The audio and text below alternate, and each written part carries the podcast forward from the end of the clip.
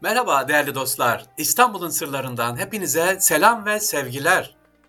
Değerli dostlar, adım adım İstanbul'u geziyoruz. Sizden kısa bir süre ayrı kaldık ama elhamdülillah bu arada bilmediğimiz yerleri de keşfettik. Efendim bugün sizlere Manisalı Mehmet Paşa tarafından yaptırılan bir camiden bahsedeceğim.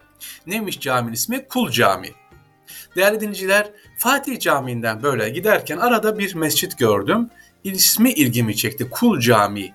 Allah Allah ne demek Kul Cami diye baktığımız zaman farklı bir hikayesi olduğunu öğrendim ve şimdi sizlere onu aktaracağım. İstanbul'un Sırları Fahri Sarrafoğlu kardeşinizle başlıyor efendim.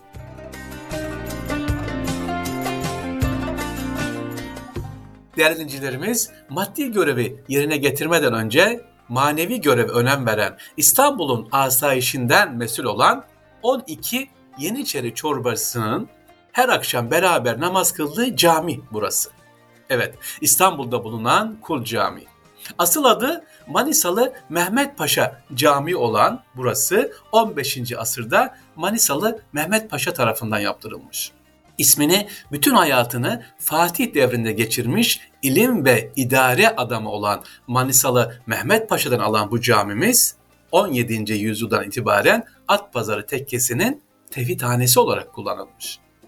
Kendisine vezaret verilen Manisalı Mehmet Paşa görevlerine Molla Hüsrev'in desteğiyle Mahmut Paşa medresesinde müderrisiye tayin edilerek burada devam etmiş. Daha sonra Sahni Semaniye medreselerinde müderris olmuş. Sahni Semaniye neydi? Fatih Camii'nin etrafındaki o 8 medrese.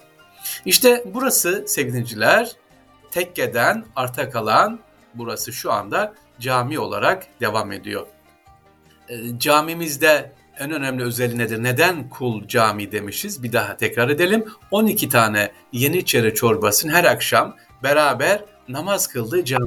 İstanbul'u özellikle ne yapıyorlar? Koruma altına alacakları için muhafazası bunlar burada geliyorlar. Camide birleşiyorlar ve ondan sonra dağılıyorlar değerli dinleyicilerimiz.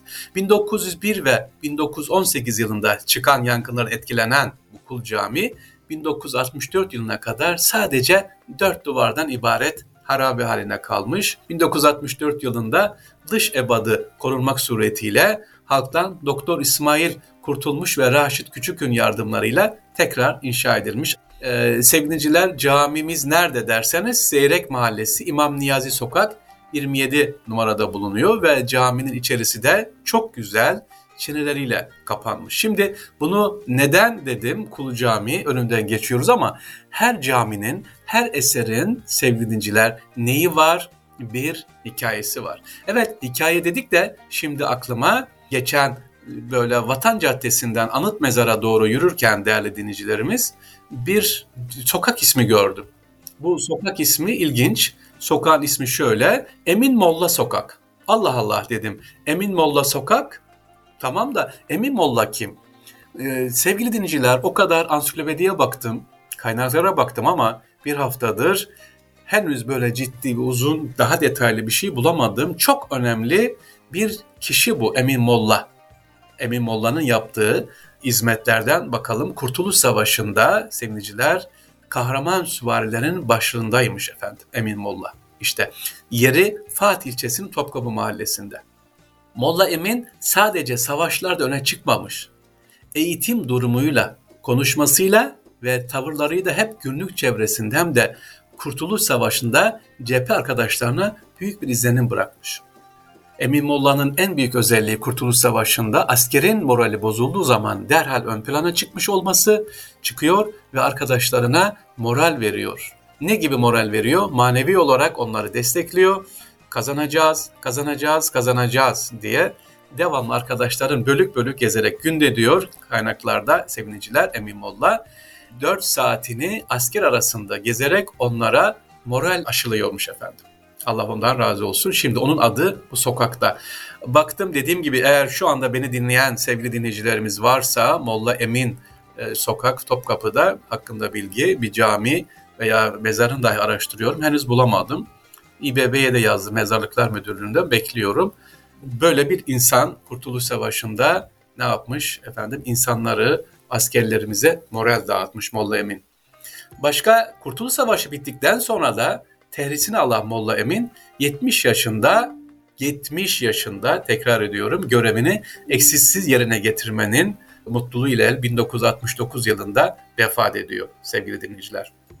Günümüz belediyesinde özellikle e, rica ettik. Dedi ki Dova sokağın ismini bir düzeltelim. Çünkü yazılar falan silinmiş. İnşallah belediyemizde sahip çıkar. Buranın ismi tekrar düzelir. Fatih Belediyesi'ne rica ettik. Demek ki gezince ne yapıyoruz sevgili dinleyiciler? Yeni yerler keşfediyoruz, yeni yerler bakıyoruz. İstanbul'la ilgili başka şöyle baktığımız zaman değerli dinleyicilerimiz, her sokağın ismi var, farklı. Bizde en güzel olan şudur. Avrupa'ya gittiğimiz zaman, bakın sizler de gitmişsinizdir. İsimler, numaralar var.